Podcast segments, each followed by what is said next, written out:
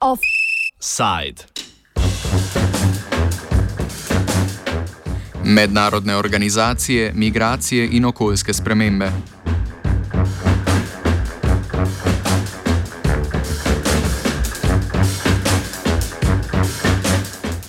Za zadnji offside avgustovskega tedna o okoljskih beguncih bomo nekoliko pobliže pogledali aktivnosti mednarodnih organizacij na tem področju.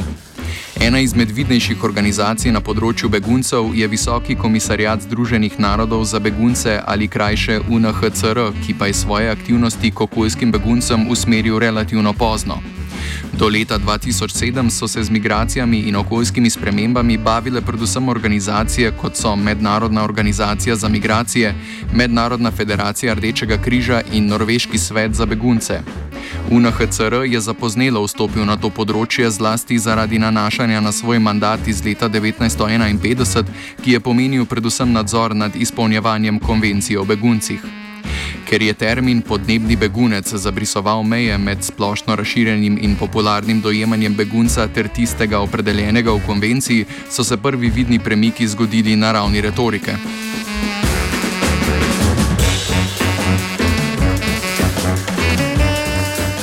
Na letnem sestanku izvršilne komisije, sestavljene iz držav članic, je visoki komisar Antonio Guterres povdaril morebitni obstoj svojevrstnega tipa migracij, povzročenega z okoljskimi spremembami in na pomankljivo sposobnost mednarodne skupnosti za soočenje z njimi. Odziv držav članic ni bil kaj prida razumevajoč, onkraj ravni retorike pa se je UNHCR premaknil leta 2008 z ustanovitvijo posebne skupine za podnebne spremembe, ki je sodelovala s podskupino mednarodne človekoljubne organizacije IASC. Slednja in retorika komisarja sta privedli do spremembe politike vrhovnih organov UNHCR. Ta je na konvenciji o podnebnih spremembah in migracijah v Oslu leta 2011 pozval države članice k novim zakonodajnim okvirom, ki bi lahko zajemali tudi okoljske begunce. Države članice sicer tudi temu niso bile naklonjene in niso podprle predloga, dotična poteza pa je vendarle signalizirala premik na nekaterih ravneh v UNHCR.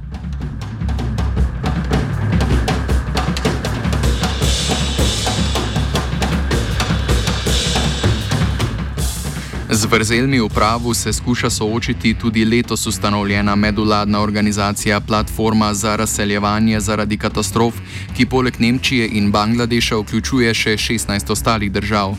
Mednarodne organizacije sicer na področju okoljskih beguncev poleg pravnih zagad težijo tudi druge, pojasni Ethel Solberg iz platforme. One gap is clearly that the system uh, is uh, on one side not sufficiently prepared to address all the damage and all the all the loss uh, resulting from these uh, uh, disasters.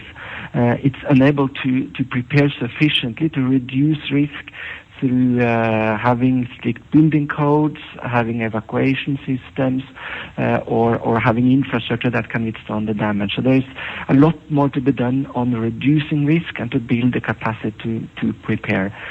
Uh, another gap is related to what happens after the disasters, and uh, uh, many of these sudden onset or major disasters do displace a large amount of people. Some of these people are internally displaced within the country, and uh, and there's always a, limitation to what extent and the capacity is sufficient to address their protection needs and assistance needs related to shelter, access to medical assistance, uh, and uh, even more importantly, when time passes on a little, uh, to find durable solution. Some people are not able to, to go back, for example, to where they used to live, uh, because uh, that that area may have been determined unfit for human habitation or is too dangerous. So, how do we find a durable solution to to some of these people?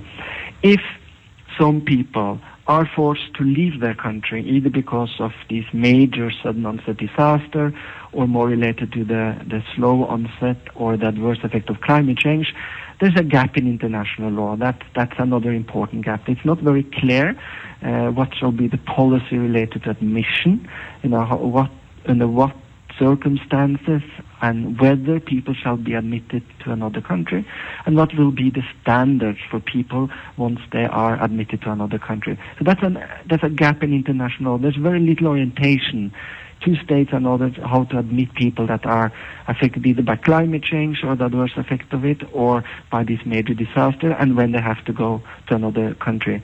And, uh, and very closely related to that gap, we have then an institutional gap many of the organizations I listed earlier, it's not very clear who should take the lead and who will be responsible for addressing the needs of, of these people. So you could say there is a, a legal gap, an institutional gap, and that also then result in an operational gap that the needs of these people are, are very often uh, not met. Ob množici mednarodnih organizacij na tem področju je sicer težko podati celotno sliko politike vsake organizacije, lahko pa z nekaj abstrakcije določimo prevladojoči diskurs, ki prevzema polje migracij in podnebnih sprememb, v katere so upete tudi nekatere mednarodne organizacije.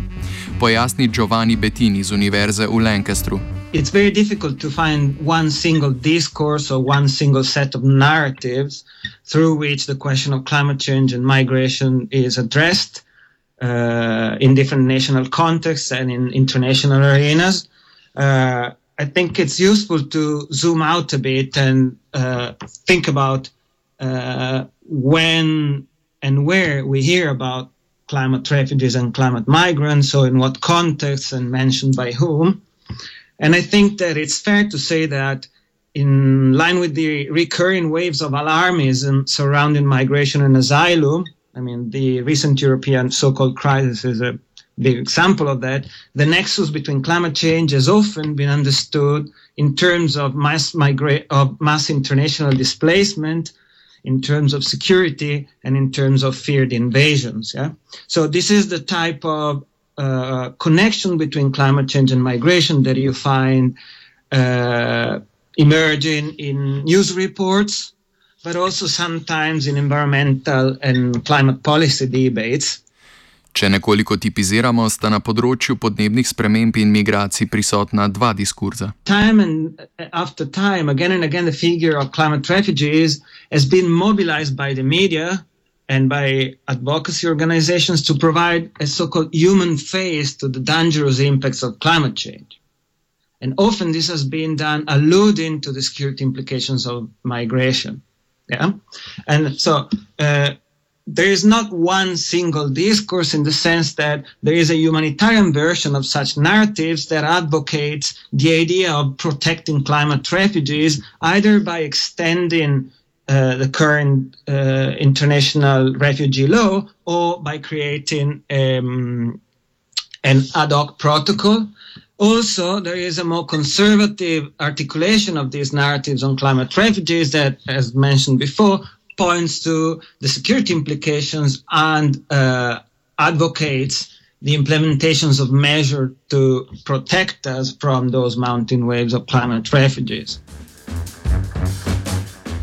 O tem, kje je popularni in eksplicitno apokaliptični diskurs, ki ga je UNHCR s težavo sprejemal, sporen, nadaljuje Giovanni. A first problem with the with the figure of the climate refugee is that the numbers do not add up. So the widely circulated predictions yeah, that uh, foresee hundreds of millions of climate refugees in the coming decades uh, are based on very, very controversial numbers, the numbers that are controversial, controversial if not scientifically wrong. And there are, there are a number of pieces of research that show this. This problem of numbers, in turn, uh, links to the very crude deterministic and monocausality understanding of mobility on which the figure of the climate refugee builds on. So the idea that intense uh, ecological stress automatically leads to mass migration is basically a form of uh, environmental determinism that disregards the idea that is uh, common in contemporary migration studies that migration is a multi-causal phenomenon. Diskurs, ki ga v večini sprejemajo organizacije kot je UNHCR, je temu nasproten. Kot nam razloži sogovornik, pa sta se omenjena diskurza kljub temu med seboj oplajala. uh, in the last few years, if you look again at the messages given by IOM, UNHCR, uh, if you look at what came out of the Paris Agreement, you'll see that the nexus between climate change and mobility is seen as a matrix of different migration responses to the impacts of climate change, which include displacement, but also planned relocation, a reduction of immobility, and the idea that migration can be a, a form of adaptation. And this is a, a, a, a different, more mainstream discourse that also uh, situates the question of climate change and, and migration in, in, in, different arenas and different spheres. Uh, to an extent, to an extent, moving away the question of climate change and migration from from the semantic and policy sphere of security towards development, meaning international development. These two macro understandings of, of, of, the nexus between climate change and human mobility are not isolated and they have not emerged in isolation. And there has been an oscillation of we could say that there has been an oscillation, a, a pendulum oscillation between the two. Yeah. So in certain periods, you've got uh, an increase in the popularity of the more palatable mainstream discourse. In other periods, you had a return of the idea of climate refugees, such as in this period.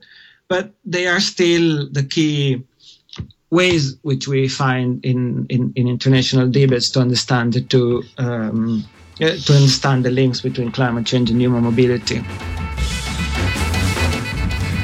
Težava pri tovrstnem sodelovanju diskurzov je dojemanje migracij kot znanstvenega dejstva in ne kot boja v političnem polju.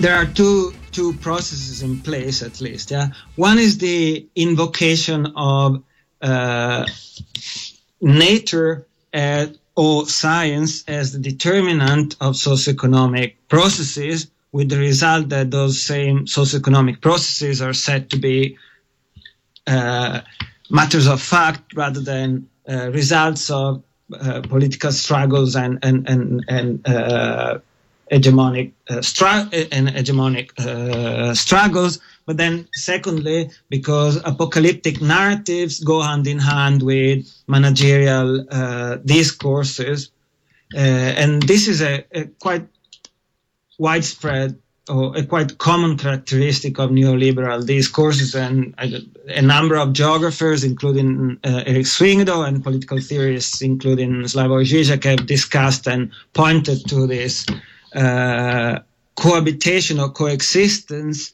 uh, or conjuring up of apocalyptic narratives and mundane uh, techno-managerial approaches to issues uh, I'm talking about the conjuring up in the sense that apocalyptic narrative and techno managerial uh, policy models go hand in hand to make sure that nothing changes, nothing uh, fundamental changes. S tem, da je pri omenjenem vprašanju ključen način, kako gledamo na današnji offside, zaključi Giovanni. So I think it's important and crucial that migration is discussed in the context of uh, climate change policy, of development policy, and migration policy, or scholarship or advocacy. And we should talk more about uh, the ways in which we can expect climate change to influence the mobility and immobility of marginalized populations. But we should talk about this as a matter of climate justice and not as a matter of security and we shouldn't talk about it as a contingent problem that we should solve through some sort of technocratic protocol, but as one, one, one of the key dimensions in which the highly political questions on the kind of climate, mobility, and society we want for the decades to come is debated. So instead of seeing the nexus between climate change and human mobility as a problem to be solved. I think it should be seen as an open question about the kind of climate, the kind of mobility, the kind of society that will emerge in the coming decades. So the inherent political character of migration shouldn't be displaced. Offside je pripravil Tit.